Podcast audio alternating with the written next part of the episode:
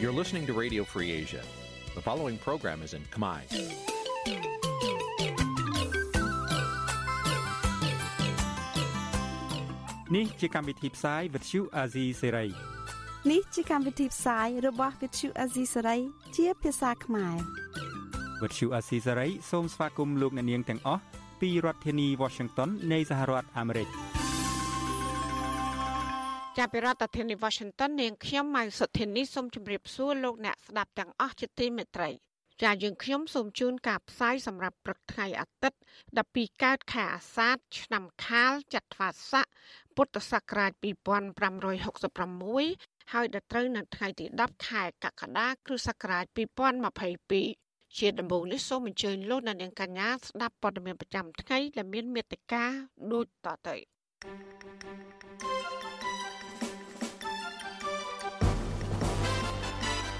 សង្គមស៊ីវិលថាអាញាធននៅតែគ្មានឆន្ទៈរកយុត្តិធម៌ពិតប្រាកដ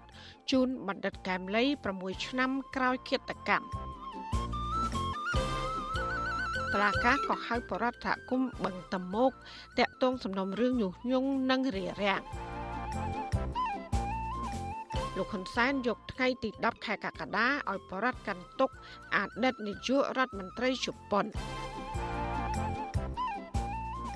សកម្មជនបរិស្ថានទទូចអាជ្ញាធរពាក់ព័ន្ធការពីប្រៃឈើតាមការអំពាវនាវរបស់ព្រះមហាក្សត្ររួមនឹងព័ត៌មានផ្សេងៗមួយចំនួនទៀតចាត់ជាបន្តទៅទៀតនេះនាងខ្ញុំម៉ៅសុធានីសូមជូនព័ត៌មានទាំងនោះពឺស្ដាប់ចាលោកនាងជាទីមេត្រីថ្ងៃ10ខែកក្កដានេះគឺជាខួបគម្រប់6ឆ្នាំគត់នៃគិតកម្មលើបណ្ឌិតកែមលី រយៈពេលជាច្រើនឆ្នាំមកនេះសហគមន៍ជាតិនិងអន្តរជាតិព្រមទាំងក្រុមគ្រួសាររបស់ជនរងគ្រោះបានទន្ទឹងរង់ចាំយុត្តិធម៌ពីសំណាក់ស្ថាប័នតុលាការហើយនិងអាជ្ញាធរមានសមត្ថកិច្ចប៉ុន្តែបន្តិចម្ដងបន្តិចម្ដង ក្តីសង្ឃឹមហាក់បានរលាយទៅវិញដោយសារតែស្ថាប័នទាំងនោះមិនបានបង្ហាញឆន្ទៈពិតប្រាកដក្នុងការរកយុត្តិធម៌ជូនបណ្ឌិតកែមលីនោះឡើយ។ តើចំណុចណាខ្លះដែលបង្ហាញថាអាញាធននិងតឡាការគ្មានឆន្ទៈរកការពិតទៅក្នុងសំណុំរឿងឃាតកម្មដ៏កក្រើកមួយនេះចាប់ពីរដ្ឋធានី Washington លោកយ៉ងច័ន្ទរាសូមជូនសេចក្តីរាយការណ៍ពុស្ដាអំពីរឿងនេះដូចតទៅរដ្ឋាភិបាលលោកហ៊ុនសែនខកខានមិនបានរកយុត្តិធម៌ពេញលេញនៅក្នុងសំណុំរឿងឃាតកម្មបណ្ឌិតកែមលីនោះឡើយនៅក្នុងរយៈពេល6ឆ្នាំមកនេះក្រមមន្ត្រីសិទ្ធិមនុស្សវាតម្លៃថា ដំណើរការផ្លូវច្បាប់ទាំងឡាយនៅក្នុងសំណុំរឿងនេះហាក់ដូចជាធ្វើឡើងដើម្បីគ្រាន់តែរងាប់អារម្មណ៍របស់ប្រជាពលរដ្ឋជាជាងការស្វះស្វែងរកយុត្តិធម៌ពិតប្រាកដនាយកទទួលបន្ទុកកិច្ចការទូតនៃអង្គការសិទ្ធិមនុស្សលីកាដូលោកអំសំអាតដែលបានតាមដានសំណុំរឿងនេះតាំងតែពីដំបូងមកនោះមានប្រសាសន៍ថា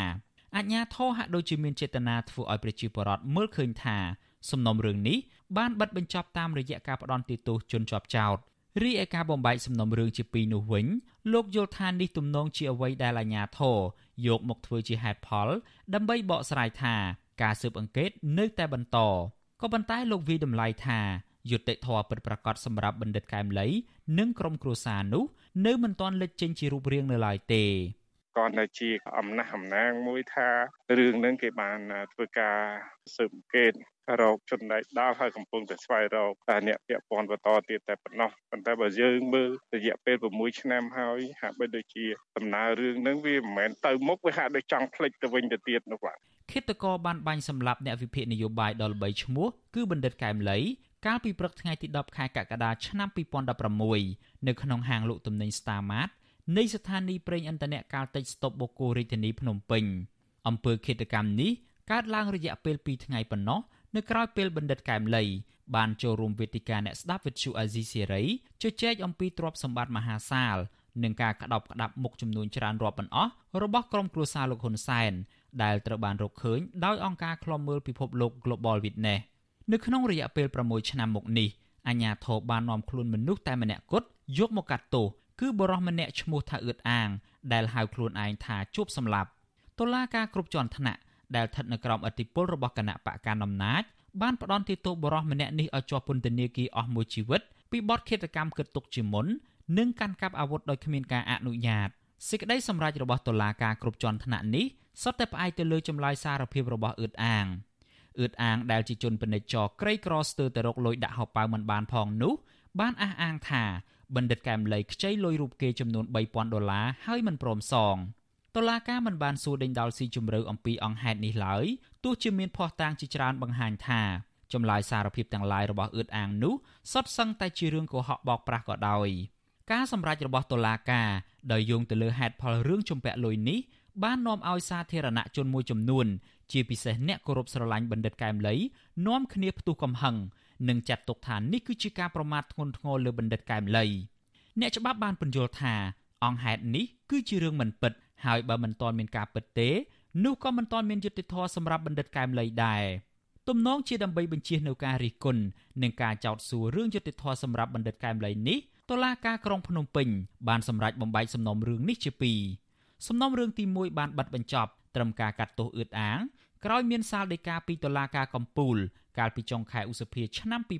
2019រីឯសំណុំរឿងទី2ដែលត្រូវស៊ើបអង្កេតរកអ្នកពាក់ព័ន្ធផ្សេងទៀតនោះវិញ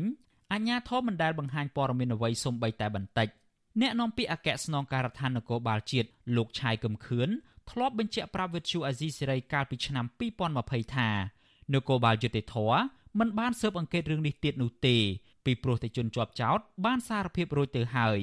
មេប៉ូលីសជាន់ខ្ពស់រូបនេះថែមទាំងអះអាងទៀតថានគរបាលយុតិធធ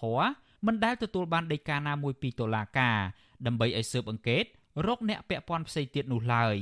វិទ្យុអាស៊ីសេរីបានព្យាយាមតាក់ទងទៅលោកឆាយកឹមខឿនជាច្រើនលើកច្រើនសារនៅពេលក្រោយៗទៀតដើម្បីសាកសួរអំពីរឿងនេះក៏ប៉ុន្តែលោកលែងលើកទូរស័ព្ទប្រធានសមាគមការពារសិទ្ធិមនុស្សអាត6លោកនីសុខា មានប្រសាសន៍ថាការផ្ដន់ទោសបុគ្គលតែម្នាក់ជាមួយនឹងអង្គហេតុដែលមិនសមហេតុផលបែបនេះมันអាចធ្វើឲ្យសាធារណជនជឿជាក់បានឡើយម្យ៉ាងវិញទៀតលោកថាអាញាធរខកខានមិនបានស្វែងរកអ្នកពាក់ព័ន្ធផ្សេងទៀតយកមកទទួលខុសត្រូវតាមច្បាប់នៅឡើយទេ ដែលធ្វើឲ្យពលរដ្ឋនៅតែមានមន្ទិលសង្ស័យចំពោះករណីឃាតកម្មដ៏កក្រើកមួយនេះលោកនេះសុខាក៏សម្គាល់ថា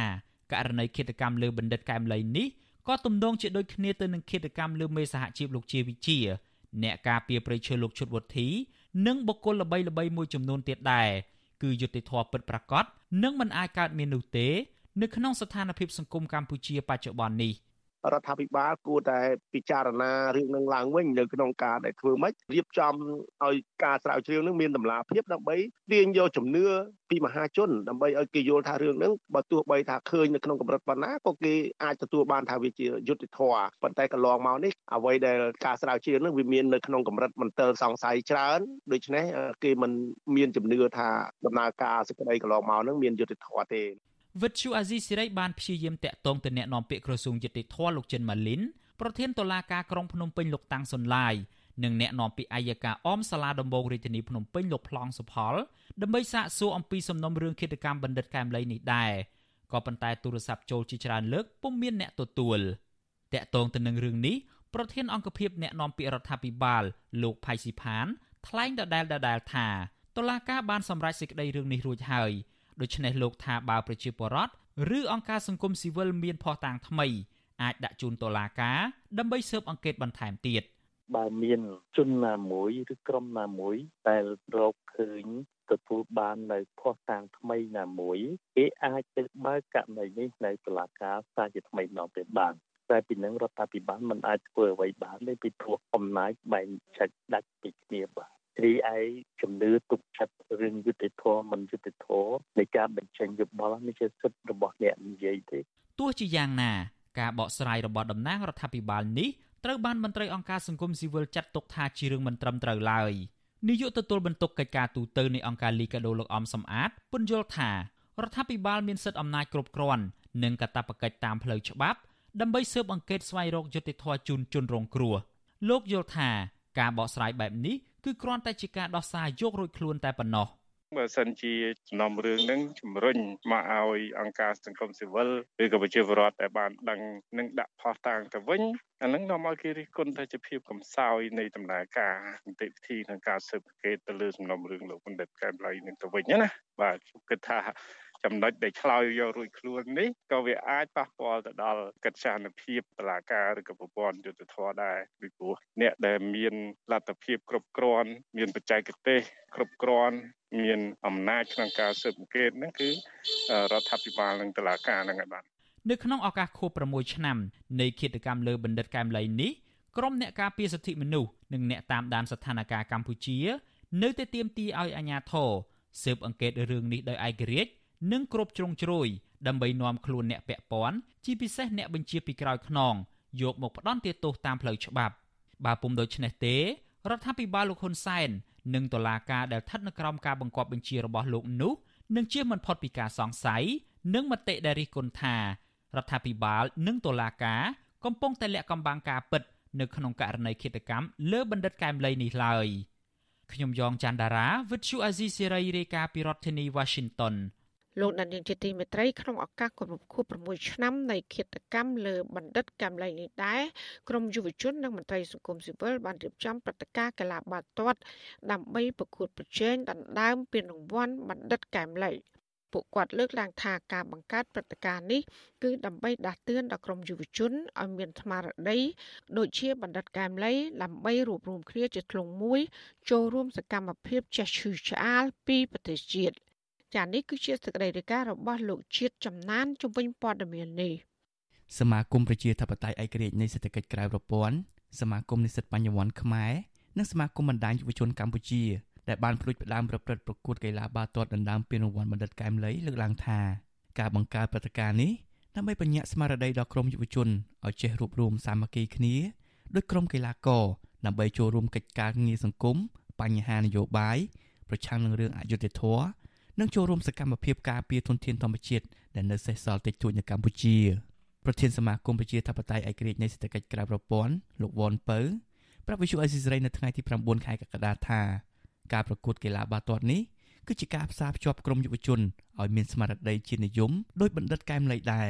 បន្ថែមពីនេះលោកថាការបង្កើតព្រឹត្តិការណ៍កីឡាបាល់ទាត់ក៏ជាសារមួយសម្រាប់ដាស់តឿនដល់ក្រុមយុវជនឲ្យត្រង់ត្រាប់តាមគំរូវីរភាពរបស់បណ្ឌិតកែមលី តាមរយៈការសិក្សាទ្រឹស្ដីរបស់លោកបណ្ឌិតផងដែរ យើងចង់ផ្ដាំផ្ញើទៅដល់យុវជននៅទ្រឹស្ដីសំខាន់សំខាន់មួយចំនួនរបស់លោកបណ្ឌិតដូចជាការជូតភ្នែកធ្វើដំណើរទៅមុខទៀតហើយលោកបណ្ឌិតចង់ដាស់តឿនក្រានរំលឹកយុវជនមួយទៀតដែលនិយាយថាត្រីដែលហែលស្របទឹកហែលបដោយទឹកគឺជាត្រីងាប់មានន័យថាអ្នកដែលមិនខ្វាយខ្វល់ពីសង្គមអ្នកដែលមិនបានមើលឃើញនូវភាពអយុត្តិធម៌សង្គមមានន័យថាហាក់ដូចជាមនុស្សស្លាប់ទាំងរស់មានន័យស្លាប់សតិសម្បញ្ញៈស្លាប់គំនិតទាំងអស់មិនបានគិតប្រយោជន៍សង្គមមិនបានគិតជាតិតាក់ទងតាំងពីរឿងព្រំដែនរឿងបរិស្ថានរឿងបញ្ហាធនធានធម្មជាតិនិងការរំលោភសិទ្ធិមនុស្សផ្សេងផ្សេងផងដែរយុវជនខ្មែរទាំងអស់ក្រោកឈរឡើងមិនអាចដោយឲ្យអ្នកដឹកនាំឬអ្នកណាម្នាក់ក្រុមណាមួយបំផ្លាញស្រុកបំផ្លាញប្រទេសរំលោភសិទ្ធិប្រព្រឹត្តអំពើអយុត្តិធម៌ដល់សង្គមស្រដៀងគ្នានេះប្រធានសមាគមនិស្សិតបញ្ញវន្តខ្មែរលោកកាល់សារ៉ៃលើកឡើងថាការប្រកួតកីឡាបាល់ទាត់នេះគឺជាការបង្ហាញសាមគ្គីភាពរវាងក្រុមយុវជន និងមន្ត្រីអង្គការសង្គមស៊ីវិលព្រមទាំងមានការសម្ដែងមតិទៅកាន់រដ្ឋាភិបាលឲ្យវែកមុខ រកឃាតករពិតប្រាកដដើម្បីផ្ដល់យុត្តិធម៌ដល់ក្រុមគ្រួសារនិងវិញ្ញាណក្ខន្ធបណ្ឌិតកែមលីផងដែរ។ ហើយកីឡាបាល់ទាត់នេះក៏ជាកីឡាមួយដែលបង្ហាញអំពីសាមគ្គីភាពថាលេងជាលក្ខណៈក្រុមដូច្នេះតើតាមានការសាមគ្គីគ្នាល្អទើបអាចជោគជ័យអាទាំងអស់នេះយើងចង់បង្រៀនយុវជនឲ្យយកកីឡាជាតួយ៉ាងនៅក្នុងការសាមគ្គីគ្នាហើយក៏ដូចជាចង់បង្រៀនពួកគាត់ឲ្យអាចចេះចូលរួមតស៊ូមតិក្នុងការចូលរួមលុបបំបាត់នៅអំពើអយុត្តិធម៌អំពើពុករលួយឬក៏ក្នុងការការផ្លាស់ប្ដូរនៅផ្នត់គំនិតឬក៏សង្គមណាមួយតាមរយៈការទាត់បាល់នេះផងដែរ ទន្ទឹមគ្នានេះប្រធានបណ្ដាញយុវជនកម្ពុជាលោកអ៊ុលវ៉ាន់ឲ្យដឹងថាការលើកយកព្រឹត្តិការណ៍កីឡាបាល់ទាត់ក្នុងឱកាសខួប6ឆ្នាំនៃគិតកម្មលើបណ្ឌិតកែមលីគឺក្រមយុវជននិងសង្គមស៊ីវិលចង់ផ្សព្វផ្សាយទស្សនៈទានលោកបណ្ឌិតសម្រាប់ឲ្យសាធារណជនទូទៅនិងក្រុមកីឡាករដទៃទៀតត្រូវចេះងាកមកឈឺឆ្អាលបញ្ហាប្រទេសជាតិលោកបន្តថាវិស័យកីឡានេះក៏ជាការភ្ជាប់សន្តិភាពសេរីភាពសាមគ្គីភាព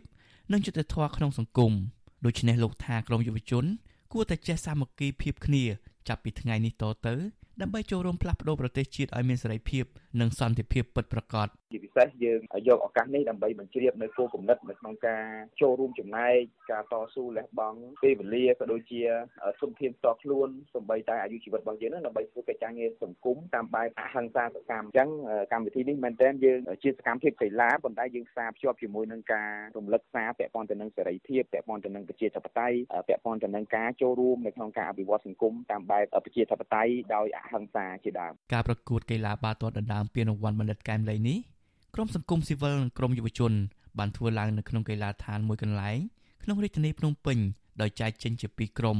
និងចាប់ផ្ដើមប្រកួតនៅល្ងាចថ្ងៃទី9ខែកក្កដាជាមួយគ្នានេះក៏មានក្រុមយុវជនមន្ត្រីអង្គការសង្គមស៊ីវិលសកម្មជនបដិថាននិងសិទ្ធិមនុស្សប្រមាណ700នាក់ចូលរួមគាំទ្រនិងបង្ហាញពីការនឹករលឹកពីវីរៈភាពរបស់លោកបណ្ឌិតកែមលីផងដែរ ពានរង្វាន់សម្រាប់អ្នកឈ្នះក្នុងការប្រកួតបាល់ទាត់នេះគឺមានរូបបណ្ឌិតកែមលីដោយភ្ជាប់អត្ថន័យដែលសរសេរថាពានរង្វាន់បណ្ឌិតកែមលីកីឡានាំមកនូវសុខភាពនិងបង្ហាញពីស្មារតីកែមលីដោយឡែកនៅអាវរបស់កីឡាករវិញមានសរសេរថាកែមលីជានិមិត្តរូបនៃសេរីភាពបញ្ចេញមតិទាំងមន្ត្រីសង្គមស៊ីវិលទាំងក្រមយុវជនលើកឡើងថាពួកគាត់នឹងនៅតែបន្តសកម្មភាពសង្គមលាតត្រដាងអំពើអយុត្តិធម៌អំពើពុករលួយក្នុងសង្គមបើទោះបីជាមានឧបសគ្គយ៉ាងណាក្តី ក៏ពួកគាត់ជួសទឹកភ្នែករួចបន្តដំណើរទៅមុខដែលជាពាក្យមួយឃ្លាតែលោកបណ្ឌិតកែមលីបានផ្ដល់សម្រាប់ពួកគាត់និងយុវជនទូទៅក្នុងការបន្តសកម្មភាពសង្គមដើម្បីផ្លាស់ប្តូរប្រទេសជាតិមួយឲ្យមាននីតិរដ្ឋពិតប្រាកដក្រមយុវជន អង្គការសមាគមសហជីពព្រមទាំងប្រសង់នឹងជួបជុំគ្នានៅកន្លែងដែលឃាតករបាញ់សម្លាប់បណ្ឌិតកែមលីនៅថ្ងៃទី10ខែកក្កដាដើម្បីដាក់កម្រងផ្កាឧទ្ទិសកុសលជូនលោកបណ្ឌិតកែមលី ខ្ញុំបាទជាចំណាន Visual Assisray ពីរដ្ឋធានី Washington លោកអ្នកនាងជាទីមេត្រីក្រមយុវជន ខ្មែរថាវរៈចំនួន4នាក់បានរៀបចំពិធីបែបសាសនាកោសក់នៅមុខចេតិយបណ្ឌិតកែមលីនៅស្រុកត្រាំកក់ខេត្តតាកែវដើម្បីចូលរួមកាន់ទុកនិងជំរុញរដ្ឋាភិបាលលោកហ៊ុនសែនស្វែងរកយុត្តិធម៌ពិតប្រាកដ មន្ត្រីសង្គមស៊ីវិលយល់ឃើញថាយុវជនទាំងនោះ មានសិទ្ធិសេរីភាពក្នុងការសម្ដែងមតិនិងតវ៉ាតាមបែបសាសនាដែលធានាដោយច្បាប់ចាលោកចောင်းច័ន្ទរា មានសេចក្តីរាយការណ៍មួយទៀតជំវិញព័ត៌មាននេះដូចតទៅក្រមយុវជនខ្មែរថាវរៈទាំង4នាក់រួមមានលោកហ៊ុនវណ្ណៈលោកស្វាយសំណាង លោកស្រីឈឿនដារាវី និងកញ្ញាកុយហ៊ុនបានកោសក់នៅមុខចេតិយលោកបណ្ឌិតកែមលី ស្ថិតនៅក្នុងភូមិអង្គតកប់ឃុំលីបូស្រុកត្រាំកក់ខេត្តតាកែវនៅថ្ងៃទី9ខែកក្កដាពួកគាត់លើកឡើងថាការកោសក់នេះគឺដើម្បីបង្ហាញទៅកាន់សាធារណជន អំពីការកាន់ទុកនិងទាមទាររោគយុត្តិធម៌ជូនលោកបណ្ឌិតកែមលី និងក្រុមគ្រួសាររបស់លោក ដែលរហូតមកទល់នឹងពេលនេះពួកគាត់មិនទាន់បានទទួលយុត្តិធម៌នៅឡើយទេពិធីនោះក្រុមយុវជនក៏បាននិមន្តព្រះសង្ឃ4អង្គបាំងស្កូលតាមបែបព្រះពុទ្ធសាសនាដើម្បីរំលឹកវិញ្ញាណក្ខន្ធ និងឧទ្ទិសកុសលជូនលោកបណ្ឌិតកែមលីដែរតំណាងក្រុមយុវជនខ្មែរថាវរៈមួយរូបគឺលោកហ៊ុនវណ្ណៈប្រាប់វិទ្យុអាស៊ីសេរីក្រោយពិធីកោសក់នេះថាលោករំភើបពេលឃើញយុវជនហ៊ានកោសក់របស់ខ្លួនដើម្បីចូលរួមរំលឹកខួប6ឆ្នាំនៃឃាតកម្មលើបណ្ឌិតកែមលីនិងបង្ហាញឲ្យសាធារណជន បានដឹងអំពីវីរភាពរបស់លោកព្រមទាំងទាមទារយុត្តិធម៌ផងដែរលោកហ៊ុនវណ្ណៈឲ្យដឹងទៀតថា ពួកលោកនឹងជួបជុំជាមួយក្រុមអង្គការសមាគមមួយចំនួនទៀតដើម្បីដាក់កម្រងផ្ការរំលឹកវិញ្ញាណក្ខន្ធនិងបាំងស្កូលជូនលោកបណ្ឌិតកែមលីនៅស្ថានីយ៍ប្រេងឥន្ធនៈកាលតិចស្តុបបូកូនៅព្រឹកថ្ងៃទី10ខែកក្កដាទន្ទឹមគ្នានេះលោកឲ្យដឹងទៀតថាក្រមយុវជននឹងបន្តជួបជុំគ្នានៅផ្ទះសាមគ្គីដើម្បីរៀបចំពិធីបំពោះរក្សាសិលតាមបែបសាសនារយៈពេលមួយសប្តាហ៍ពួកយើងមកកាន់ទុកសម្ដែងការខកចិត្ត ចំពោះតឡាការខ្មែរយើងដែលមកដល់ពេលនេះ6ឆ្នាំហើយមិនទាន់បានផ្ដល់យុត្តិធម៌ពិតប្រាកដជូនដល់លោកបណ្ឌិតកែមលីហើយយើងចង់ឲ្យមានការចូលរួមបន្តបន្តទៀតដរាបណាបើមិនមានយុទ្ធធរពិតប្រាកដជូនលោកបណ្ឌិតកែមលីទេស្រដៀងគ្នានេះយុវជនខ្មែរថាវរៈម្នាក់ទៀតគឺលោកស្រីឈឿនដារាវីលើកឡើងថាលោកស្រីកោសក់ពេលនេះពីព្រោះលោកស្រីចង់ប្រាប់ថាការបាត់បង់លោកបណ្ឌិតកែមលី ដោយតុលាការមិនអាចវែកមុខរកហេតុករពិតប្រាកដយកមកផ្ដន់ទោសតាមច្បាប់នោះគឺជារឿងឈឺចាប់សម្រាប់ប្រជាពលរដ្ឋខ្មែរលោកស្រីឲ្យដឹងថាលោកស្រីនៅតែធ្វើសកម្មភាពតស៊ូមតិរោគយុត្តិធម៌ជូនលោកបណ្ឌិត និងជនរងគ្រោះផ្សេងទៀតបើទោះបីជាអាជ្ញាធររារាំងក៏ដោយពីព្រោះនេះគឺជាការអនុវត្តសិទ្ធិសេរីភាពស្របតាមច្បាប់ ដោយសារតែចាប់ដែលនឹងខ្មែរទាំងអស់ដែលបាត់បង់ព្រះជនបុគ្គលគំរូម្នាក់ហើយឈឺចាប់ដែលតឡាការមិនអាចវេកមុខឃាតករពិតបាន ត្រង់នឹងដែលជាហេតុធ្វើឲ្យពួកខ្ញុំនឹងកោសក់តកតងរឿងនេះវិទ្យុអាស៊ីសេរីមិនអាចសុំការឆ្លើយតបពីប្រធានអង្គភិបអ្នកណែនាំពាក្យរដ្ឋាភិបាលលោកផៃស៊ីផានបានទេ នៅថ្ងៃទី9ខែកក្កដាជុំវិញរឿងនេះ ប្រធានសមាគមការពារសិទ្ធិមនុស្សអាត6លោកនីសុខាមានប្រសាសន៍ថាសកម្មភាពសម្ដែងមតិឬការតវ៉ានិងការធ្វើពិធីតាមបែបសាសនាដើម្បីរំលឹកស្នាដៃនិងគុណតម្លៃរបស់បណ្ឌិតកែមលីដែលបានលះបង់ដើម្បីបុព្វហេតុសង្គមនេះគឺជាសេរីភាពរបស់ប្រជាពលរដ្ឋដែលធានាដោយច្បាប់ជាតិនិងបទដ្ឋានសិទ្ធិមនុស្សអន្តរជាតិដែលរដ្ឋាភិបាលត្រូវតែលើកកម្ពស់ សាធារណជនទូទៅគេមានសិទ្ធិនៅក្នុងការគ្រប់គ្រងពីព្រោះលោកបានលះបង់និងបានបូជាជីវិតនៅក្នុងពុបហេតុនៃការដែលចូលរួមចំណែកនៅក្នុងការចេញមតិបញ្ចេញយោបល់ដើម្បីឲ្យបងប្អូនរួមជាតិទាំងអស់ហ្នឹងគេបានស្ដាប់គេបានយល់ដឹងនៅមតិយោបល់របស់លោកដូច្នេះខ្ញុំគិតថាការដែលរົບការដឹងគុណការលឹកនៅវិញ្ញាណក្ខន្ធរបស់លោកបណ្ឌិតកែមលីនេះគឺវាជាសេរីភាពទោះជាយ៉ាងណាស្របពេលក្រុមអង្គការសមាគមសហជីព និងយុវជនគ្រងជួបជុំគ្នារំលឹកខួបនៃការបាញ់សម្លាប់លោកបណ្ឌិតកែមលីនៅព្រឹកថ្ងៃទី10ខែកក្កដាលោកនាយរដ្ឋមន្ត្រីហ៊ុនសែនកាលពីថ្ងៃទី8ខែកក្កដាបែរជាបានបញ្ជាឲ្យអាជ្ញាធររាជធានីខេត្តកងកម្លាំងប្រដាប់អាវុធនិងសមត្ថកិច្ចពាក់ព័ន្ធត្រូវចាត់វិធានការឲ្យបានម៉ឺងម៉ាត់ចំពោះបុគ្គលដែលលោកចោទថាបង្កភាពអនាធបត័យលើដងផ្លូវឬប្រមូលផ្ដុំធ្វើបាតកម្មបិទផ្លូវសាធារណៈទៅវិញទោះបីជាលោកហ៊ុនសែន មិនបាននិយាយចំការប្រមូលផ្ដុំសម្រាប់ខួបបណ្ឌិតកែមលីក៏ដោយក៏កន្លងទៅអាញាធររបស់លោកធ្លាប់បានរៀបរៀងនិងចាប់ខ្លួនអ្នកប្រារព្ធខួបបណ្ឌិតកែមលីដាក់ពន្ធនាគារជាហូហែមន្ត្រីសិទ្ធិមនុស្សលើកឡើងថាអាញាធរមិនត្រូវរារាំងសកម្មភាពនៃការប្រារព្ធខួបបណ្ឌិតកែមលីនេះឡើយព្រោះនេះជាការអនុវត្តសិទ្ធិសេរីភាពរបស់ប្រជាពលរដ្ឋស្របតាមច្បាប់ខ្ញុំយ៉ងច័ន្ទដារាវិទ្យុអាស៊ីសេរីរាយការណ៍ពីរដ្ឋធានី Washington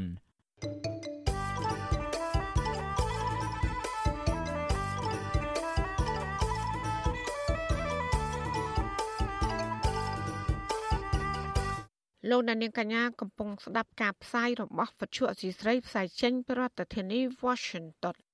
អ្នកខ្លំមើលបរិស្ថាននិងអង្គការសង្គមស៊ីវិល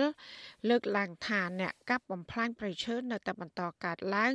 បើទោះបីព្រះមហាក្សត្រទ្រង់អំពាវនាវឲ្យបញ្ឈប់សកម្មភាពទាំងនោះក្តី ពួកគាត់ស្នើឲ្យរដ្ឋាភិបាលសហការជាមួយសកម្មជនការពារព្រៃឈើជាពិសេសគឺនៅតាមសហគមន៍នីមួយៗដើម្បីការពារព្រៃទាំងនោះឲ្យមានប្រសិទ្ធភាពចាសសេចក្តីរាយការណ៍ពីស្ដាមអំពីរឿងនេះលោកណានៀងនឹងបានស្ដាប់នាពេលបន្តិចទៀតនេះចាលោកណានៀងជាទីមេត្រីក្រោយទៅពីការស្ដាប់ការផ្សាយរបស់វិទ្យុអសីស្រីតាមបណ្ដាញសង្គម Facebook និង YouTube លោកដានៀងកញ្ញាក៏អាចស្ដាប់ការផ្សាយរបស់យើង តាមរយៈរលក ធាតុអាកាសខ្លីឬ short wave ដូចតទៅ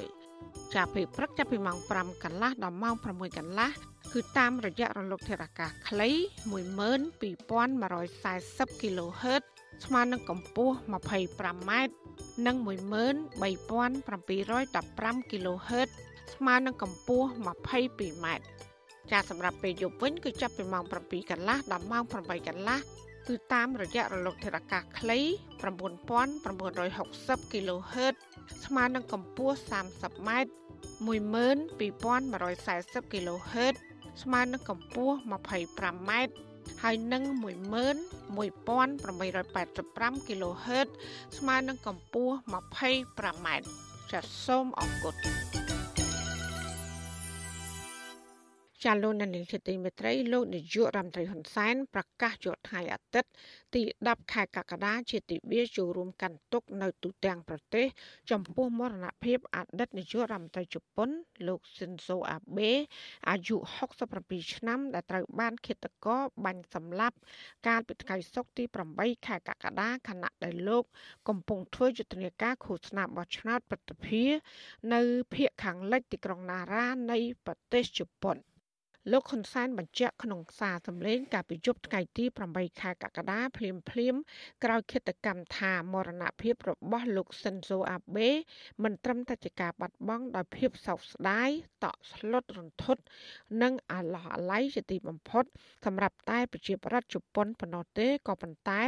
សម្រាប់ប្រជាប្រដ្ឋនៅលើពិភពលោករួមទាំងប្រដ្ឋកម្ពុជាផងដែរ។ លោកហ៊ុនសែនក៏បានរំលឹកថាក្នុងតំណែងជានាយករដ្ឋមន្ត្រីជប៉ុនទាំងពីរលើកកាលពីឆ្នាំ2006ដល់ឆ្នាំ2007ហើយនឹងលើកទី2អំឡុងពីឆ្នាំ2012ដល់2020លោកស៊ិនហ្សូអាបេបានប្រឹងប្រែងយ៉ាងខ្លាំងជំរុញឲ្យទំនាក់ទំនងរវាងជប៉ុននិងកម្ពុជាក្លាយជាដៃគូយុទ្ធសាស្ត្រកាលពីឆ្នាំ2013 លោកអាបេក៏បានជំរុញការផ្តល់ជំនួយគ្រប់គ្រងដល់ការអភិវឌ្ឍគ្រប់វិស័យនៅកម្ពុជា រួមទាំងហេដ្ឋារចនាសម្ព័ន្ធផងដែរបន្ថែមពីនេះគឺបង្កើនទំនាក់ទំនងសេដ្ឋកិច្ចនិងពាណិជ្ជកម្មរវាងកម្ពុជានិងជប៉ុន លោកអាបេធ្លាប់បានអញ្ជើញមកបំពេញទស្សនកិច្ចផ្លូវការនៅកម្ពុជា កាលពីខែវិច្ឆិកាឆ្នាំ2013ដោយពេលនោះលោកក៏បានសម្រេចផ្តល់ជំនួយកែតម្រង់ប្រព័ន្ធបោះឆ្នោតនៅកម្ពុជា និងជំនួយអភិវឌ្ឍមួយចំនួនផ្សេងទៀតលោកអាបេបានបង្កើនទំនាក់ទំនងរវាងអាស៊ាននិងជប៉ុនព្រមទាំងជំរុញដល់ទំនាក់ទំនងមេគង្គជប៉ុនផងដែរ គណៈកម្មាធិការជាតិរៀបចំបញ្ជាតិអន្តរជាតិកាលពីថ្ងៃទី9ខែកក្កដាម្សិលមិញក៏បានប្រកាសដល់ស្ថាប័នជាតិនិងថ្នាក់ក្រោមជាតិឲ្យចូលរួមកាន់ទុកចំពោះមរណភាពលោកស៊ិនហ្សូអាបេដោយបង្ហូតទង់ជាតិពាក់កណ្ដាលដងចំនួន1ថ្ងៃ គឺនៅថ្ងៃអាទិត្យទី10ខែកក្កដានេះ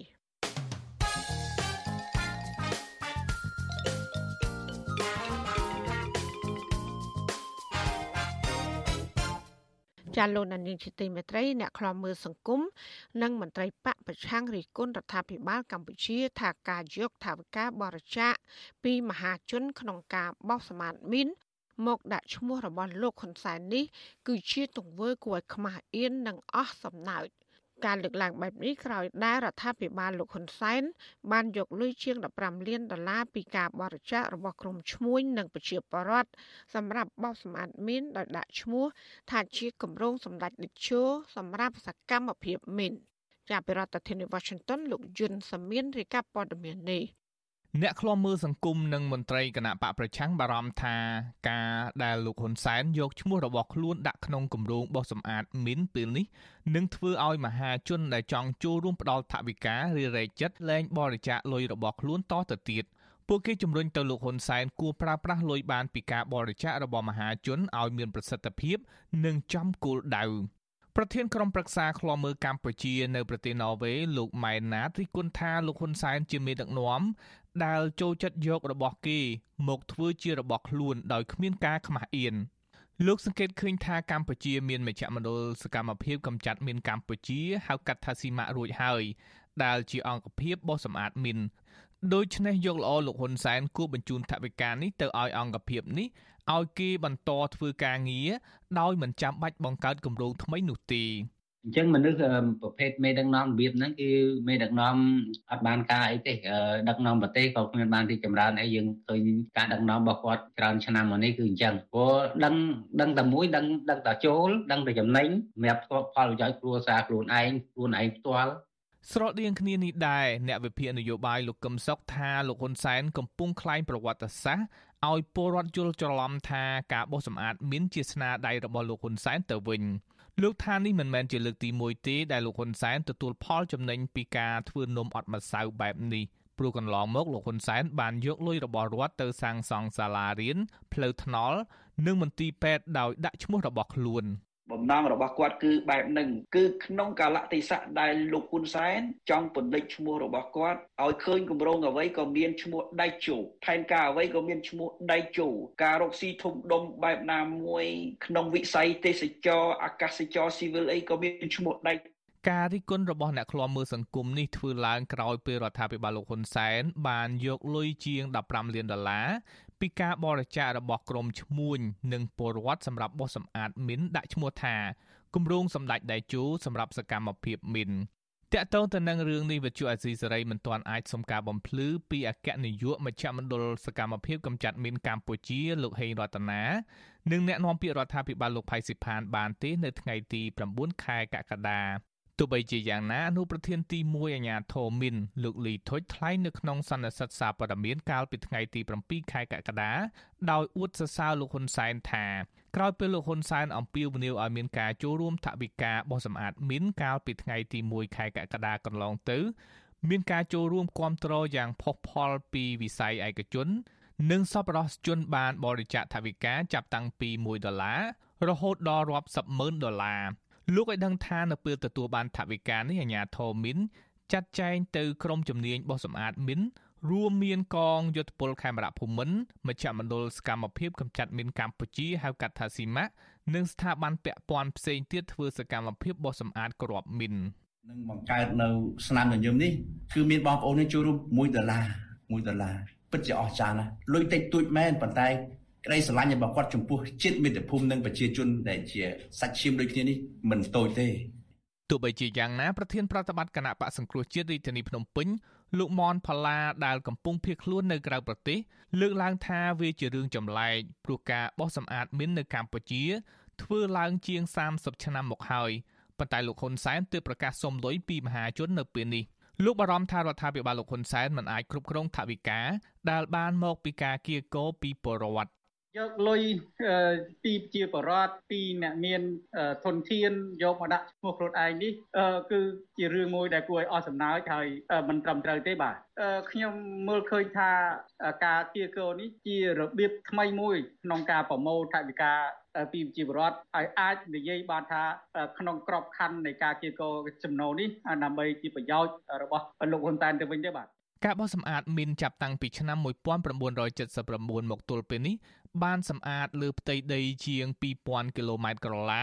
គឺធំជាងរាជធានីភ្នំពេញ3ដងហើយដីភៀកច្រើនផ្ដល់ឲ្យពលរដ្ឋធ្វើកសិកម្មគ្រាប់មីនបោះសម្អាតរួមមានគ្រាប់មីនប្រឆាំងរថក្រោះរកឃើញជាង20000គ្រាប់គ្រាប់មីនប្រឆាំងមនុស្សរកឃើញជាង1លានគ្រាប់និងសំណល់ជាតិផ្ទុះនានារកឃើញជាង3លានគ្រាប់ កម្ពុជាត្រូវការលុយជាង90លានដុល្លារទៀតសម្រាប់បោះសម្អាតគ្រាប់សេះសល់នៅលើផ្ទៃដីជិត2000គីឡូម៉ែត្រក្រឡាទៀត។ខ្ញុំយុនសាមៀនវិទ្យុអាស៊ីសេរីប្រធានាធិបតី Washington ចាលោកនាងកញ្ញាកំពុងស្ដាប់ការផ្សាយរបស់វិទ្យុអាស៊ីសេរីផ្សាយចេញពីរដ្ឋធានី Washington ព្រឹទ្ធាចារ្យនិងបរដ្ឋខ្មែរក្រោមអំពីនីវឲ្យខ្មែរទាំងអស់ហៅឈ្មោះដែនដីកម្ពុជាក្រោមទាំង21ខេត្តនិងក្រុងព្រមទាំងកោះពីរជាភាសាខ្មែរកំហៅតាមឈ្មោះដែលរដ្ឋាភិបាលវៀតណាមបានបដូរក្នុងពេលដែលពួកគេចូលត្រួតត្រាតើមានមូលហេតុអ្វីបានជាពួកគាត់អំពាវនាវឲ្យខ្មែរទាំងអស់ហៅឈ្មោះដែនដីកម្ពុជាក្រោមជាភាសាខ្មែរ ចាសសេចក្តីឬការពិស្ដារអំពីរឿងនេះលោកណានៀងនឹងបានស្ដាប់នាពេលបន្តិចទៀតនេះ ចាសសូមអរគុណ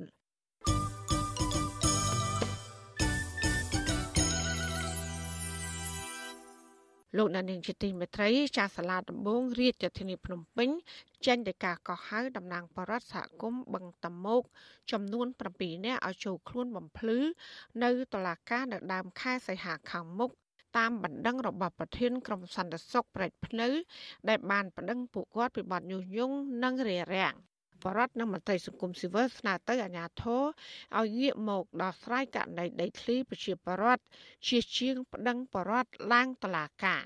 ចាលោកថាថៃអ្នករាយការណ៍របស់វិទ្យុអសីស្រីប្រចាំតំបន់អាស៊ីប៉ាស៊ីហ្វិកមានសេចក្តីរាយការណ៍អំពីរឿងនេះដូចតទៅតំណាងពលរដ្ឋសហគមន៍បឹងតាមុកលើកឡើងថាក្រមពលរដ្ឋ មិនបានប្រព្រឹត្តខុសដោយការចាត់ប្រកាសនោះទេហើយពួកគាត់នឹងចូលបំភ្លឺនៅតុលាការតាមដីកាកោះនិងស្នើទៅក្រុមអង្គការសង្គមស៊ីវិលជួយតាមដានករណីនេះផងតំណាងពលរដ្ឋលោកស្រីផនសុខុមឲ្យវិទ្យុអាស៊ីសេរីដឹងនៅថ្ងៃទី9ខែកក្កដាថាការទៀមទារបស់លោកស្រីនិងពលរដ្ឋផ្សេងទៀតរឿងដីធ្លីកន្លងមកមិនមែនជាបទល្មើសដោយក្រុមអាជ្ញាធរខណ្ឌប្តឹងនោះទេទោះជាយ៉ាងណា លោកស្រីក៏មានការព្រួយបារម្ភថាអាញាធរយកបណ្ដឹងនេះដើម្បីបន្លាចប្រជាពលរដ្ឋមិនឲ្យចេញទៀមទីរោគដំណោះស្រាយដីធ្លីរបស់ខ្លួនតទៅទៀតខ្ញុំការពារដំណើរថាខ្ញុំរស់នៅខ្ញុំមិនមានធ្វើអីខុសផងព្រួយព្រួយដែរតែខ្ញុំព្រួយក្នុងលក្ខណៈថាខ្ញុំធ្វើដែលត្រូវច្បាប់ខ្ញុំមិនមានធ្វើខុសច្បាប់តំណាងបរដ្ឋសហគមន៍បឹងតមោកឲ្យដឹងថាដើមមិនដឹងដែលប្តឹងប្រជាពលរដ្ឋគឺជាប្រធានសន្តិសុខខណ្ឌព្រែកភ្នៅលោកមាសសម្បូរ ពលរដ្ឋហ៊ុសចិត្តដែលក្រុមអាជ្ញាធរប្តឹងពួកគាត់មកតុលាការដូចនេះបណ្ដឹងរបស់អាជ្ញាធរនេះកើតឡើងក្រោយពេលក្រមប្រជាពលរដ្ឋ250គ្រួសារបានតវ៉ារឿងដីធ្លីជាបន្តបន្ទាប់នៅរយៈពេល2ខែចុងក្រោយនេះបន្ទាប់ពីអាជ្ញាធរបានសម្រុកលុបបឹងតមោកហើយបណ្ដេញពួកគាត់ចេញពីលំនៅឋានទៅកាន់ទីតាំងថ្មីអាជ្ញាធរចោទប្រកាន់ថាពួកគាត់រស់នៅលើដីរបស់រដ្ឋដោយខុសច្បាប់ ទាក់ទងករណីនេះវិទ្យុអាស៊ីសេរីមិនអាចសុំការបំភ្លឺពីអភិបាលរាជធានីភ្នំពេញលោកខួងស្រេងបានទេនៅថ្ងៃទី9ខែកក្កដាទោះជាយ៉ាងណាដីកាតុលាការក្រុងភ្នំពេញចុះថ្ងៃទី14ខែមិថុនាដែលវិទ្យុអាស៊ីសេរីទើបទទួលបានឲ្យដឹងថាតំណាងអัยការអមសាលាដំបងរាជធានីភ្នំពេញលោកព្រះរាជអាជ្ញារងទុងរតនាបានចោទប្រកាន់ក្រុមប្រជាពលរដ្ឋពីបទរារាំងញុះញង់បង្កើតសកម្មភាពអនាធិបតេយ្យតាមដងផ្លូវសាធារណៈ តុលាការបង្គាប់ឲ្យក្រុមពលរដ្ឋចូលបំភ្លឺនៅតុលាការតាមបណ្ដឹងរបស់លោកមាសសម្បូរចាប់ពីថ្ងៃទី2ទី3និងទី4ខែសីហាខាងមុខ តកតងរឿងនេះដែរប្រធានគម្រោងសិទ្ធិលំនៅឋាននិងស្រាវជ្រាវនៃអង្គការសមាគមធាងថ្នោតលោកសៀងមួយឡៃយល់ថារដ្ឋាភិបាលឬសាលារដ្ឋាភិបាលភ្នំពេញគូពិនិត្យសិក្សានិងព្យាយាមដោះស្រាយជូនប្រជាពលរដ្ឋជាជាងប្តឹងប្រជាពលរដ្ឋទៅតុលាការលោកលើកឡើងដូចនេះក្រោយសង្កេតឃើញថាអាញាធរឬរដ្ឋាភិបាលហាក់ចាត់ចែងដីតំបន់បឹងតមុកមិនស្មើភាពគ្នារវាងអ្នកមាននិងអ្នកក្រផ្ទុកផ្ទៃបឹងប្រមាណសល់ប្រមាណឲ្យប្រជាពលរដ្ឋទៅគឺប្រជាពលរដ្ឋនឹងអាចរស់នៅបានតែផ្ទុយមកវិញបែរជា បង្ខំគាត់ឲ្យគាត់ចាក់ចេញទៅទីតាំងផ្សេងហើយយកដីទីតាំងរបស់ពួកគាត់នឹងឲ្យទៅបុគ្គលឯកជនឬក៏ក្រុមហ៊ុនឯកជននឹងដើម្បីអភិវឌ្ឍវិញអញ្ចឹងពេលខ្លះយើងមើលទៅវារូបភាពមួយមិនថាវាមិនមិនគួរដែលឲ្យកើតមានឡើងនៅក្នុងសង្គមណា ប្រជាពលរដ្ឋជាង200គ្រួសារនិងមានផ្ទះ108ខ្នងរស់នៅក្បែរបឹងតមោកស្ថិតក្នុងភូមិសំរោងត្បូងសង្កាត់សំរោងខណ្ឌព្រែកភ្នៅតែងអះអាងថាពួកគាត់ស៊ូស្លាប់នៅលើដីលំនៅឋានរបស់ពួកគាត់ដែលរស់នៅតាំងពីឆ្នាំ1990ប្រសិនបើកងកម្លាំងប្រដាប់អាវុធនៅតែបន្តបណ្ដេញពលរដ្ឋចេញពីលំនៅឋានទាំងបង្ខំ កាលពីចុងខែមិថុនាតំណាងប្រជាពលរដ្ឋជាង100នាក់បាននាំគ្នាតវ៉ានិងដាក់ញត្តិទៅកាន់គុតការឡាយលោកនាយរដ្ឋមន្ត្រីហ៊ុនសែនដើម្បីស្នើឲ្យជួយអន្តរាគមន៍រឿងដីធ្លីនិងចេញបានកម្មសិទ្ធិដីធ្លីស្របច្បាប់ជូនពួកគាត់ទោះជាយ៉ាងណាមកទល់ពេលនេះគុតការឡាយលោកនាយរដ្ឋមន្ត្រីហ៊ុនសែនមិនទាន់ទាំងបានឆ្លើយតបនឹងសំណើនេះទេតែបែរជាត្រូវប្រធានសន្តិសុខខណ្ឌព្រែកភ្នៅប្តឹងតំណាងពលរដ្ឋឡើងតុលាការទៅវិញខ្ញុំថាថៃពីទីក្រុងមែលប៊ន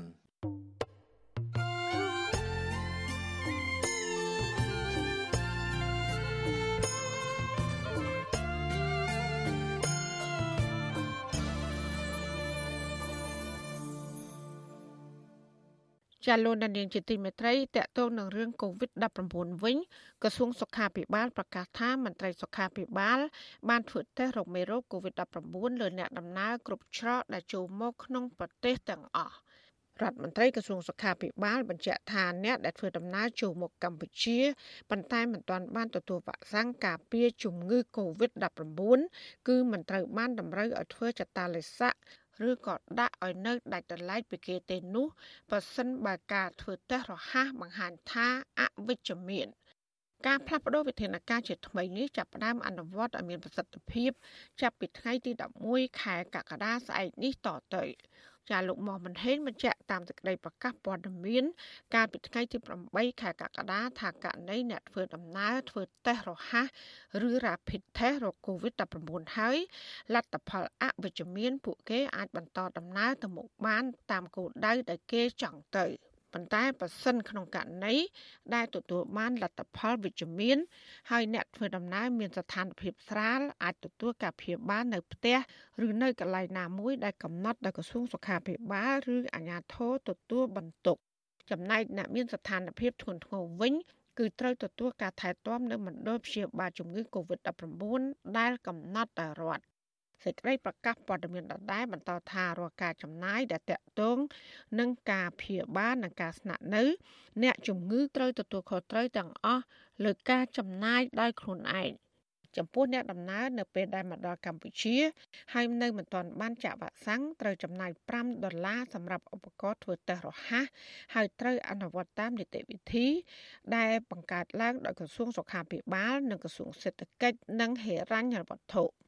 ដោយឡែកអ្នកដំណើរដែលបានទទួលការចាក់វ៉ាក់សាំងបង្ការពេញលេញ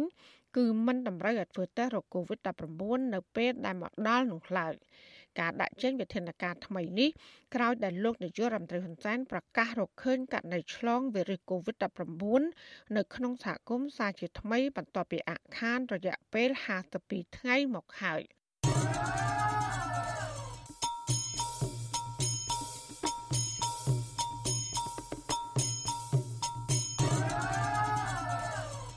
ចាលោកនាងជាទីមេត្រីសកម្មជននិងអ្នកខ្លំមើលបរិស្ថានព្រមទាំងអង្គការសង្គមស៊ីវិលលើកឡើងថាអ្នកកាប់បំផ្លាញព្រៃឈើនៅតែបន្តកើតមានបើទោះបីជាព្រះមហាក្សត្រទ្រង់អំពាវនាវឲ្យបញ្ឈប់នៅសកម្មភាពទាំងនោះក្តី ពួកគេក៏បានស្នើឲ្យរដ្ឋាភិបាលសហការជាមួយនឹងសកម្មជនការពារព្រៃឈើជាពិសេសគឺនៅតាមសហគមន៍នីមួយៗដើម្បីការពារព្រៃទាំងនោះឲ្យមានប្រសិទ្ធភាពនិងលុបបំបាត់ការជួញដូរឈើខុសច្បាប់ព្រះមហាក្សត្រប្របាទនរោត្តមសីហមុនីនៅថ្ងៃទី9ខែកក្កដាបានជាងជាបរិយាអធិបតីក្នុងពិធីរុក្ខទិវាដែលប្រពធ្វើឡើងនៅស្ថានីយ៍ផ្សព្វផ្សាយនិងស្ដារប្រៃឈើនៅភូមិសម្បូរមាស ឃមស្នឹងស្រុកបាណាន់ខេត្តបាត់ដំបងពិធីនេះក៏មានការចូលរួមពីក្រុមមន្ត្រីកម្ពុជាកម្ពុជានៃរដ្ឋាភិបាលដែរដូចជារដ្ឋមន្ត្រីក្រសួងមហាផ្ទៃលោកសខេង និងប្រធានរដ្ឋាភិបាលលោកហេងសំរិនជាដើម ព្រះមហាក្សត្រអំពាវនាវឲ្យដល់ប្រសង់អាជ្ញាធរវិស័យឯកជន និងប្រជាប្រដ្ឋគ្រប់រូបចូលរួមដាំដុះការពារព្រៃឈើហើយត្រូវចូលរួមបញ្ឈប់ការកាប់រានដីព្រៃនិងការកាប់ឈើខុសច្បាប់ព្រមទាំងការបរបាញ់សត្វគ្រប់រូបភាព ព្រះអង្គមានបរិជ្ជបន្ទូលទៀតថាការដាំដើមឈើនិងរុក្ខជាតិគ្រប់ប្រភេទគឺជាការវិនិយោគបៃតងលើធម្មជាតិដែលផ្ដល់ពហុប្រយោជន៍សម្រាប់មនុស្សជាតិសត្វនិងភពផែនដី។ ក្រៅពីនេះព្រះអង្គក៏មានបរិជ្ជបន្ទូលអគុណដល់ប្រទេសជាមិត្តអង្គការជាតិអន្តរជាតិនានា ដែលបានយកចិត្តទុកដាក់ចូលរួមជួយដល់ការងារដាំដើមឈើការថែរក្សា និងការពារធនធានព្រៃឈើសត្វព្រៃនៅកម្ពុជា។ ខ្ញុំប្រកាសរណាខ្ញុំសូមអំពាវនាវចំពោះព្រះសង្ឃអាជ្ញាធរដែនដីវិស័យឯកជន និងបងប្អូនជនរួមជាតិនៅទូទាំងប្រទេសសូមព្រះមេត្តា និងមេត្តាដាំដើមឈើគ្រប់ប្រភេទឲ្យបានច្រើន តាមដែលអាចធ្វើទៅបានម្យ៉ាងទៀតសូមបងប្អូនជនរួមជាតិជួយទប់ស្កាត់និងបញ្ចប់ការកាប់ឈើការកាប់រៀនដុតឈូសឆាយដីព្រៃការបរបាញ់ការដាក់អន្ទាក់ចាប់សត្វព្រៃដោយខុសច្បាប់ហើយចូលរួមថែរក្សា ការពារព្រៃឈើជាពិសេសការពារភ្លើងឆេះព្រៃសកម្មជននិងអ្នកខ្លំមើលបរិស្ថានរួមទាំងអង្គការសង្គមស៊ីវិលគាំទ្រចំពោះប្រជាសាអំពីនាវរបស់ព្រះមហាក្សត្រក៏ប៉ុន្តែពួកគាត់សង្កេតឃើញថាសកម្មភាពកាប់បំផ្លាញព្រៃឈើលក្ខណៈទ្រង់ទ្រាយធំ ដើម្បីធ្វើអាជីវកម្មនៅតែបន្តកើតមានក្នុងពេលបច្ចុប្បន្នជាពិសេសគឺការជួញដូរទៅលក់នៅប្រទេសវៀតណាម សកម្មជនបរិស្ថានចលនាមេដាធម្មជាតិលោកលីច័ន្ទរាវុធប្រាប់វិទ្យុអសីស្រីថាស្ថានភាពប្រៃឈើនៅក្នុងប្រទេសកម្ពុជា កំពុងទទួលរងគ្រោះខ្លាំងក្នុងរយៈពេលប្រមាណឆ្នាំចុងក្រោយនេះគឺតាមរយៈការកាប់បំផ្លាញជាប្រព័ន្ធដោយគ្មានការហាមឃាត់ពីអាជ្ញាធរ លោកបន្តថាភាគច្រើនឈ្មួញរកស៊ីឈើខុសច្បាប់ទាំងនោះ តែងតែរួចខ្លួនពីសំណាញ់ច្បាប់បើទោះបីមានរបាយការណ៍ឬក៏ភស្តុតាង បង្ហាញថាពួកគេកំពុងបំផ្លាញធនធានធម្មជាតិ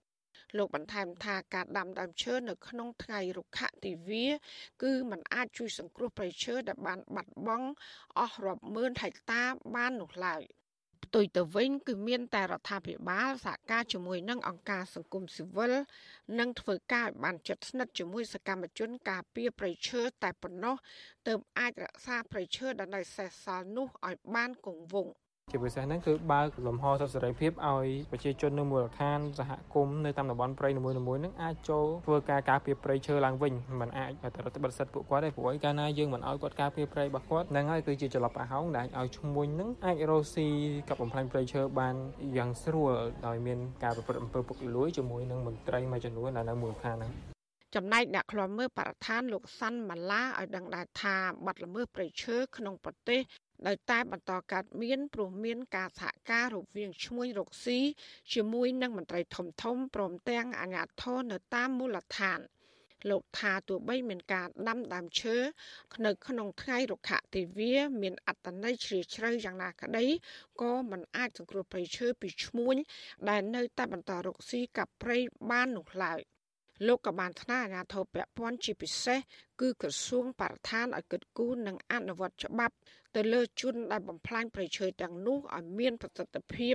ស្របតាមការអំពាវនាវរបស់ព្រះមហាក្សត្រ ព្រះអង្គក៏បានបង្ហាញពីទឹកបតីនៅក្នុងការស្រឡាញ់នៅក្នុងការចង់ឲ្យប្រជាពលរដ្ឋយើងអភិរក្សនិងថែរក្សាធនធានបៃឈើឲ្យបានល្អប្រសើរដែរដូច្នេះអាជ្ញាធររដ្ឋក៏ដូចជាក្រសួងបរិស្ថានត្រូវតែអនុវត្តទុននីតិឲ្យបានល្អប្រសើរមិនអញ្ចឹងទេខ្ញុំគិតថាអង្គព្រះមហាក្សត្រលោកក៏អាចនឹងមិនសបាយប្រហារតីដែរបើសិនជាបាត់មើលបៃឈើរបស់យើងចេះតែកើតមានជារៀងរាល់ថ្ងៃបែបនេះ តកតិននឹងបញ្ហានេះវិទ្យុអសីស្រី នៅមិនទាន់អាចតតងអ្នកនាំពាក្យក្រសួងបរិស្ថាន លោកណេតភក្ត្រាបាននៅឡើយទេ នៅថ្ងៃទី9ខែកក្កដាជុំវិញរឿងនេះដែរប្រធានផ្នែកកម្មវិធីនិងតស៊ូមតិនៃសមាគមបណ្ដាញយុវជនកម្ពុជា លោកហេងកំហុងលើកឡើងថាអត្តន័យនៅក្នុងថ្ងៃរុក្ខទិវាគឺប្រាប់អភិជាប្រដ្ឋចេះថែរក្សាការពារនិងដាំដើមឈើកាន់តែច្រើន ក៏ប៉ុន្តែលោកថាការដាំកូនឈើដែលនៅតូចតូចបែបនេះពិតជាមិនអាចជំនួសគុណប្រយោជន៍ឈើធំធំ ដែលបានបាត់បង់នោះឡើយលោកជំរុញអរដ្ឋាភិបាលនិងអាជ្ញាធរពាក់ព័ន្ធត្រូវតែអនុវត្តច្បាប់ដែលមានត្រាប់ទៅលើឈ្មួញនិងអ្នកកាប់រុករានព្រៃខុសច្បាប់ទាំងនោះព្រមទាំងមានវិធានការការពារព្រៃឈើឲ្យមានប្រសិទ្ធភាពស្របតាមអត្តន័យថ្ងៃរុក្ខទិវា មួយដើមដូចគ្នាឧទាហរណ៍ថាបើកាប់មួយដើមមាននឹងដាំមួយដើមដើមឈើមួយដើមដែលមានអាយុរាប់សិបឆ្នាំវាមានសមត្ថភាពស្រូបកាបូនរាប់សិបគីឡូឬក៏រាប់សិបតោនដើម្បីធានាបរិយាកាសស្អាតនៅលើភពផែនដីប៉ុន្តែផ្ទុយទៅវិញយើងដាំកូនឈើតូចមួយបាទអញ្ចឹងมันគ្រប់គ្រាន់ទេបាទការដាំកូនឈើជានិមិត្តរូបក៏ពិតមែនប៉ុន្តែគួរតែរក្សាធំដែរបាទរក្សាព្រៃឈើឲ្យគង់វង្សដែរទៅទឹមជាមួយនឹងការកាប់បំផ្លាញព្រៃឈើនេះ របាយការណ៍របស់អ្នកខ្លំមើលប្រៃឈើរកឃើញ ថាក្រុមអង្គការមួយចំនួន ជាពិសេសឈ្មោះរកស៊ីឈើធំធំ និងជាមន្ត្រីជាន់ខ្ពស់រដ្ឋាភិបាល នៅតែបន្តរកស៊ីកាប់ឈើយ៉ាងសស្រាក់សស្រាំដដែលព្រមទាំងគ្មានចំណាត់ការច្បាប់ ពីអាជ្ញាធរមានសមត្ថកិច្ចនោះឡើយ។ អ្នកខ្លមើលទាំងនោះថារដ្ឋាភិបាលផ្ទាល់តែម្ដង ដែលតែងតែចេញមុខការពារអ្នកជួញឈើខុសច្បាប់របស់ក្រុមអង្គការនិងក្រុមហ៊ុនឯកជនទាំងនោះលើពីនេះទៀតពួកគេនៅតែឃើញមានអាជីវកម្មឈើខុសច្បាប់រីករាលដាលខ្លាំងជាង10ឆ្នាំចុងក្រោយនេះរហូតមកដល់ពេលនេះនៅមិនទាន់បញ្ឈប់នៅឡើយក្រោមពាក្យដីសម្បត្តិសេដ្ឋកិច្ច ដែលរដ្ឋាភិបាលបានផ្ដល់ឲ្យក្រុមហ៊ុនឯកជនជាច្រើននៅជុំវិញព្រៃអភិរក្សនៅតំបន់ឦសានរួមមានខេត្តកំពង់ធំ ក្រចេះ និងខេត្តព្រះវិហារ របាយការណ៍ថ្មីចុងក្រោយរបស់អង្គការលើកលែងទោសអន្តរជាតិ Amnesty International ក៏បានរកឃើញថាការកាប់ឈើខុសច្បាប់ នៅក្នុងតំបន់ព្រៃការពារធម្មជាតិបង្កើតឲ្យមាន ជាការរំលោភសិទ្ធិមនុស្សនិងលុបបំបាត់ទំនៀមទម្លាប់ជនជាតិដើមភាគតិចទៅកម្ពុជា។ អង្គការដដែលក៏បានបញ្ជាក់ថានៅកម្ពុជា មានការកាប់បំផ្លាញព្រៃឈើខ្ពស់ជាងគេនៅលើពិភពលោក ក្នុងរយៈពេលប្រមាណទសវត្សរ៍ចុងក្រោយនេះ បណ្ដាលឲ្យបាត់បង់ព្រៃឈើប្រមាណជា64%នៃគម្របព្រៃឈើចាប់តាំងពីឆ្នាំ2011រហូតដល់បច្ចុប្បន្នក្នុងនោះគឺគម្របព្រៃឈើទំហំជាង6000ហិកតាដែលស្ថិតក្នុងដែនជម្រកសត្វព្រៃឡង់និងព្រៃប្រារកាត្រូវបានកាប់បំផ្លាញនៅក្នុងឆ្នាំ2021 ចាលោកនាងជាទីមេត្រីក្នុងឱកាសនេះដែរនាងខ្ញុំសូមថ្លែងអំណរគុណដល់លោកនាងកញ្ញាដែលតែងតែមានភក្ដីភាព ចំពោះការផ្សាយរបស់យើង ហើយចាត់ទុកការស្ដាប់វិទ្យុអសីស្រីជាផ្នែកមួយនៃសកម្មភាពប្រចាំថ្ងៃរបស់លោកអ្នកចាការគ្រប់គ្រងរបស់លោកនាងនេះហើយដែលធ្វើយើងខ្ញុំមានទឹកចិត្តកាន់តែខ្លាំងបន្ថែមទៀតក្នុងការស្វែងរក និងផ្តល់ព័ត៌មាន សម្រាប់ជូនលោកនាង ចាំមានអ្នកស្ដាប់និងអ្នកទស្សនាកាន់តែច្រើនកាន់តែធ្វើឲ្យយើងខ្ញុំ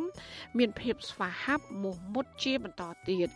ចាយើងខ្ញុំសូមអរគុណទុកជាមុនហើយក៏សូមអញ្ជើញលោកដានៀងកញ្ញាចូលរួមជំរុញសកម្មភាពផ្តល់ព័ត៌មានរបស់យើងនេះឲ្យកាន់តែបានជោគជ័យបន្ថែមទៀតចាលោកដានៀងអាចជួយយើងខ្ញុំបានដោយគ្រាន់តែចុច ចែករំលែកឬ share ការផ្សាយរបស់យើងខ្ញុំនៅលើបណ្ដាញសង្គម Facebook និង YouTube ទៅកាន់មិត្តភ័ក្តិរបស់លោកនាងដើម្បីឲ្យការផ្សាយរបស់យើង បានទៅដល់មនុស្សកាន់តែច្រើនចាសសូមអរគុណ ចាលោកអ្នកស្ដាប់ទទីមេត្រីព្រឹទ្ធាចារ្យនិងបរដ្ឋខ្មែរក្រោម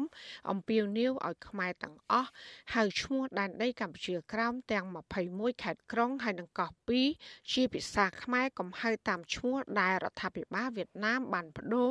ក្នុងពេលដែលពួកគេចូលត្រួតត្រា ពួកគាត់លើកឡើងថាបើមិនព្យាយាមរំលឹកឈ្មោះដើមរបស់ខ្មែរទេ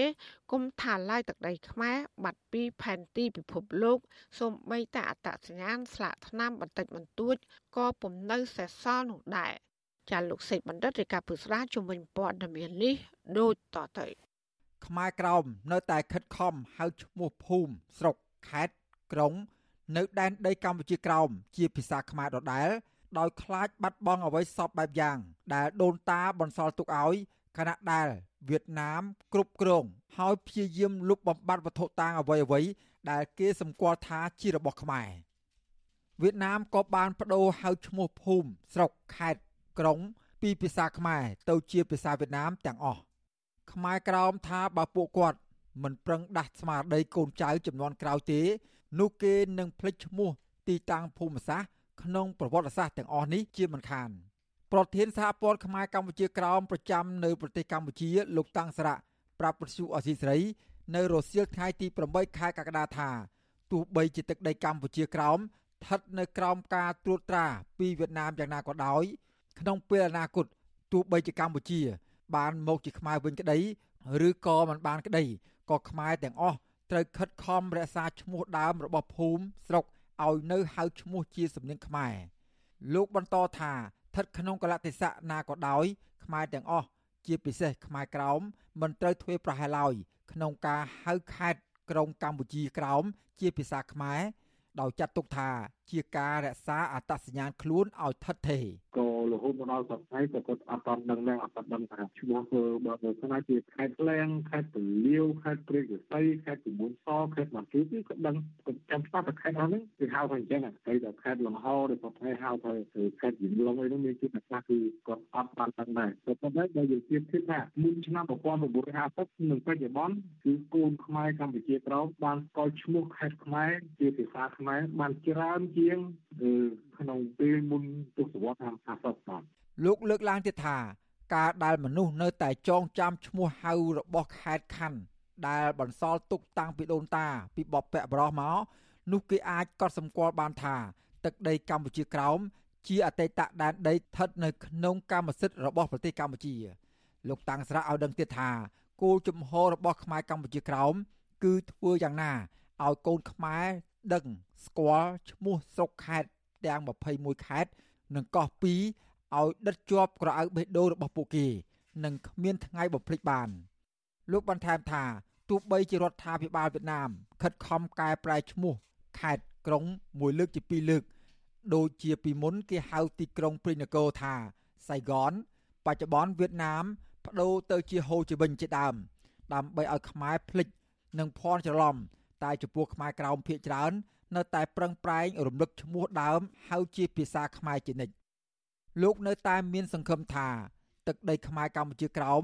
មិនអាចបាត់បង់បានឡើយប្រសិនបើកូនខ្មែរទាំងអស់ព្រួតដៃគ្នារក្សានៅអ្វី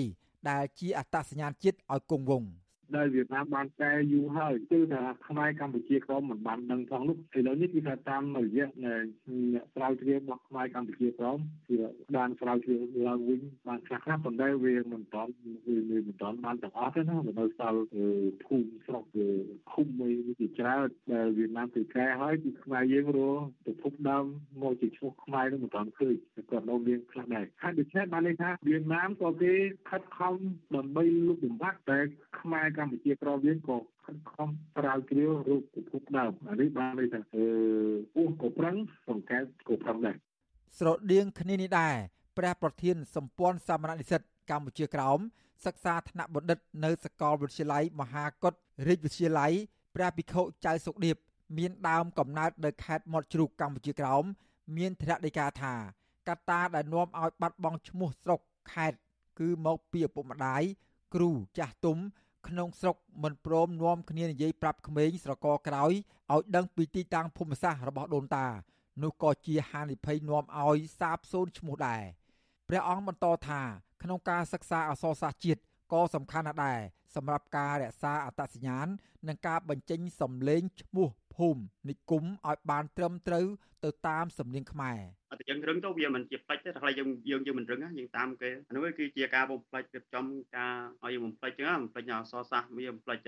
ភូមិស្រុករបស់យើងស្រុកកំណើតឬខេត្តរបស់យើងនីមួយៗនេះការព្យាយាមបិទតែគួរតែវាអាស្រ័យទៅលើវត្តនិងគណៈកម្មការវត្តឬក៏ម៉ែអោដែលជួយញាក់គ្នាហៅបានអាចនឹងជួយបំរុញណាជួយបង្រៀនគ្នាណាតំបន់នេះហៅថាម៉េចតំបន់នេះហៅថាម៉េចម៉ែអោមិនខំប្រឹងទេហើយបើយើងបោះបង់ចោលក៏ចោលចឹងទៅចោលទៅក៏បាត់អស់ជាគួរដែរតែម៉ែអោអាស្រ័យលើម៉ែអោមិនអាស្រ័យទៅលើនេះទេអាស្រ័យលើម៉ែអោរបស់យើងនេះណាណាឲ្យឲ្យតែហ៊ានហ៊ាននិយាយហ៊ានហៅព្រះភិក្ខុចៅសុកដៀបមានធរណីកាបន្ថែមថាក្នុងតំបន់ខេត្តនីមួយៗគួរតែលើកទឹកចិត្តគ្នានិយាយឲ្យហៅឈ្មោះជាភាសាខ្មែរទាំងអស់ព្រះអង្គបារម្ភថាបើយើងមិនខំប្រឹងថែរក្សាដោយខ្លួនឯងទេពុំមានជាសាសនា គេមកថែរក្សាជំនួសយើងឡើយព្រះអង្គស្នើទៅដល់កូនខ្មែរទាំងអស់កុំឲ្យភ្លេចសតិសម្បញ្ញៈត្រូវមានស្មារតីជាតិនិយមក្នុងការថែរក្សានៅអ្វីដែលជាមរតករបស់ដូនតានឹងអាចជាគំរូល្អដល់អ្នកចំនួនក្រោយប្រសិនបើវប្បធម៌ខ្មែរគង់វង្សនោះជាតិខ្មែរក៏គង់វង្សដែរ អំពីស្មុកខេតអីអាស្រ័យលើម៉ែឪរបស់យើងអាស្រ័យលើគ្រូបាអាចារ្យនៅខាងវត្តខាងអីចឹងចូលវត្តវិញយើងចូលទៅតែយើងចូលសាលាយួនគឺវាមានស្មុកយួនដាក់ឲ្យហៅចឹងខាងវៀតណាមគឺដាក់ស្មុកអីចឹងណាដាក់ស្មុកអីឲ្យយើងចឹងទៅដាក់ស្មុកឲ្យយើងយើងហៅរៀនតាមនោះទៅតែបើសិនជាយើងណាស្រុកយើងមានស្មុករបស់យើងយើងមានស្មុករបស់យើងបើយើងមិនប្រឹងរក្សានឹងស្មុកហ្នឹងទៅគឺអាចនឹងបាត់យើងជួបជាមួយនឹងភាសាបើថាជួបជាមួយនឹងជនជាតិជនជាតិគេចឹងយើងអាចនិយាយភាសាគេហ្នឹងអាចនិយាយបានជាមួយភាសាគេតែបើយើងណាជាមួយខ្មែរយើងត្រូវតែនិយាយនិយាយជាភាសាខ្មែរយើងសំខាន់បំផុតគឺការចាំតែយើងចាំបានអត់ចំណែកឯយុវជនខ្មែរកម្ពុជាក្រោមម្នាក់នៅទីក្រុងព្រៃនគរលោកសឿនសពាន់អាយុ34ឆ្នាំ មកពីខេត្តព្រះត្រពាំងប្រាប់ថា លោកស្រឡាញ់អ្វីដែលជារបស់ខ្មែរណាស់សូម្បីតែលោក បានសិក្សាជាភាសាខ្មែរបានបន្តិចបន្តួចក៏ដោយក៏ពេលដែលលោកជួបជនជាតិខ្មែរដូចគ្នា លោកព្យាយាមប្រើប្រាស់ភាសាខ្មែរឲ្យបានត្រឹមត្រូវ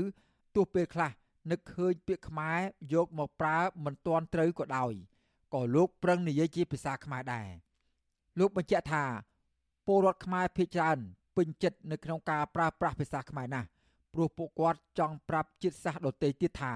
ខ្មែរមានអរិយធម៌ខ្ពង់ខ្ពស់មិនចាញ់ជាតិសាសន៍ដទៃឡើយជាពិសេសឈ្មោះភូមិឃុំ គឺខ្មែរក្រោមនៅតែហៅជាឈ្មោះខ្មែរដដែល។ និយាយ thì និយាយប្រាប់ខ្មែរគង់ទៅរៀនសខ្មែរអញ្ចឹងរៀនអញ្ចឹងនេះខ្លះ thì កូនចៅគេមិនបើគេបានទៅរៀនបានច្រើនរៀនសខ្មែរបាននេះដល់ខ្លះ thì បានរៀនចឹងនិយាយខ្មែរ nhưng mà និយាយខ្មែរមិនបានអស់ថា100%ថាខ្មែរស្មោះហើយឥឡូវនិយាយចប់ចូលភាសាវៀតណាមក៏ទេនៅខេត្តប្រតប៉ាំងយើងនៅនិយាយបានចឹងបើនៅពលាវនៅអីទៀតខ្មែរមែន nhưng mà និយាយទៅនិយាយបានអស់ទឹកដីកម្ពុជាក្រោម ដែលបារាំងហៅថាដែនដីកូសាំងស៊ីនរួមទាំងអស់មាន21ខេត្តក្រុង និងកោះចំនួន2គឺប្រធានាធិបតីបារាំងលោកវ៉ាងសុងអូរីយ៉ូលបានផ្ទេរទៅឲ្យស្ដេចបៅដៃវៀតណាមគ្រប់គ្រងបន្តវៀតណាមបានកែប្រែឈ្មោះខេត្តក្រុងទាំងនោះ ទៅជាភាសាវៀតណាមទាំងអស់មកទល់នឹងពេលនេះវៀតណាមបានគ្រប់គ្រងខ្មែរកម្ពុជាក្រោមបានរយៈពេល73ឆ្នាំហើយបច្ចុប្បន្នមានចលនាពិភពលោក កំពុងស្វែងរកសិទ្ធិឲ្យខ្មែរក្រោមដែលកំពុងរស់នៅលើទឹកដីកំណើតរបស់ខ្លួនខ្ញុំបាទសេកបណ្ឌិតវិទ្យុអាស៊ីសេរីពីរដ្ឋធានីវ៉ាស៊ីនតោន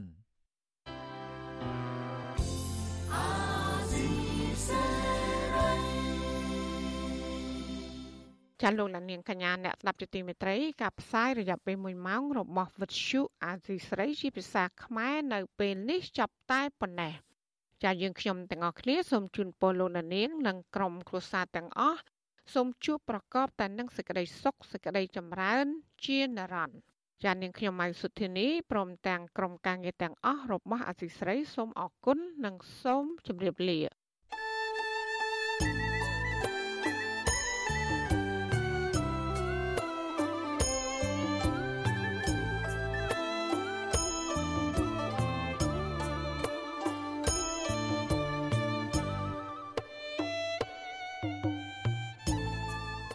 វិទ្យុអាស៊ីសេរីផ្សាយតាមរលក ធាតុអាកាសខ្លីឬ short wave តាមកម្រិតនិងកម្ពស់ដូចតទៅនេះពេលព្រឹកចាប់ពីម៉ោង5កន្លះដល់ម៉ោង6កន្លះតាមរយៈរលកធាតុអាកាសខ្លី12140 kHz ស្មើនឹងកម្ពស់ 25m និង13715 kHz ស្មើនឹងកម្ពស់ 22m ពេលយប់ចាប់ពីម៉ោង7កន្លះដល់ម៉ោង8កន្លះតាមរយៈរលកធាតុអាកាសខ្លី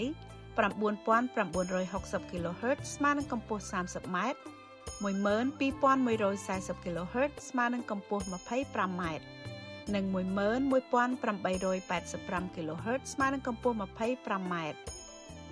លោកអ្នកនាងអាចស្ដាប់ការផ្សាយផ្ទាល់តាមប្រព័ន្ធអ៊ីនធឺណិតដោយចូលទៅកាន់គេហទំព័រ www.rfa.org/ ខ្មែរក្រៅពីនេះលោកអ្នកនាងក៏អាចអាននិងទស្សនាព័ត៌មានវិទ្យុអេស៊ីសេរី លើទូរស័ព្ទដៃរបស់លោកអ្នកផ្ទាល់សូមលោកអ្នកនាងចូលទៅកាន់បណ្ដាញសង្គម Facebook ដែលមានអាសយដ្ឋាន www.facebook.com/rfa.cambodia និង YouTube www.youtube.com/rfa ខ្មែរ video សូមលោកអ្នកនាងចុច like និងចុច Subscribe ដើម្បីទទួលបានព័ត៌មានថ្មីៗទាន់ហេតុការណ៍និងទស្សនាវីដេអូផ្សេងៗទៀត បានគ្រប់ពេលវេលា thank you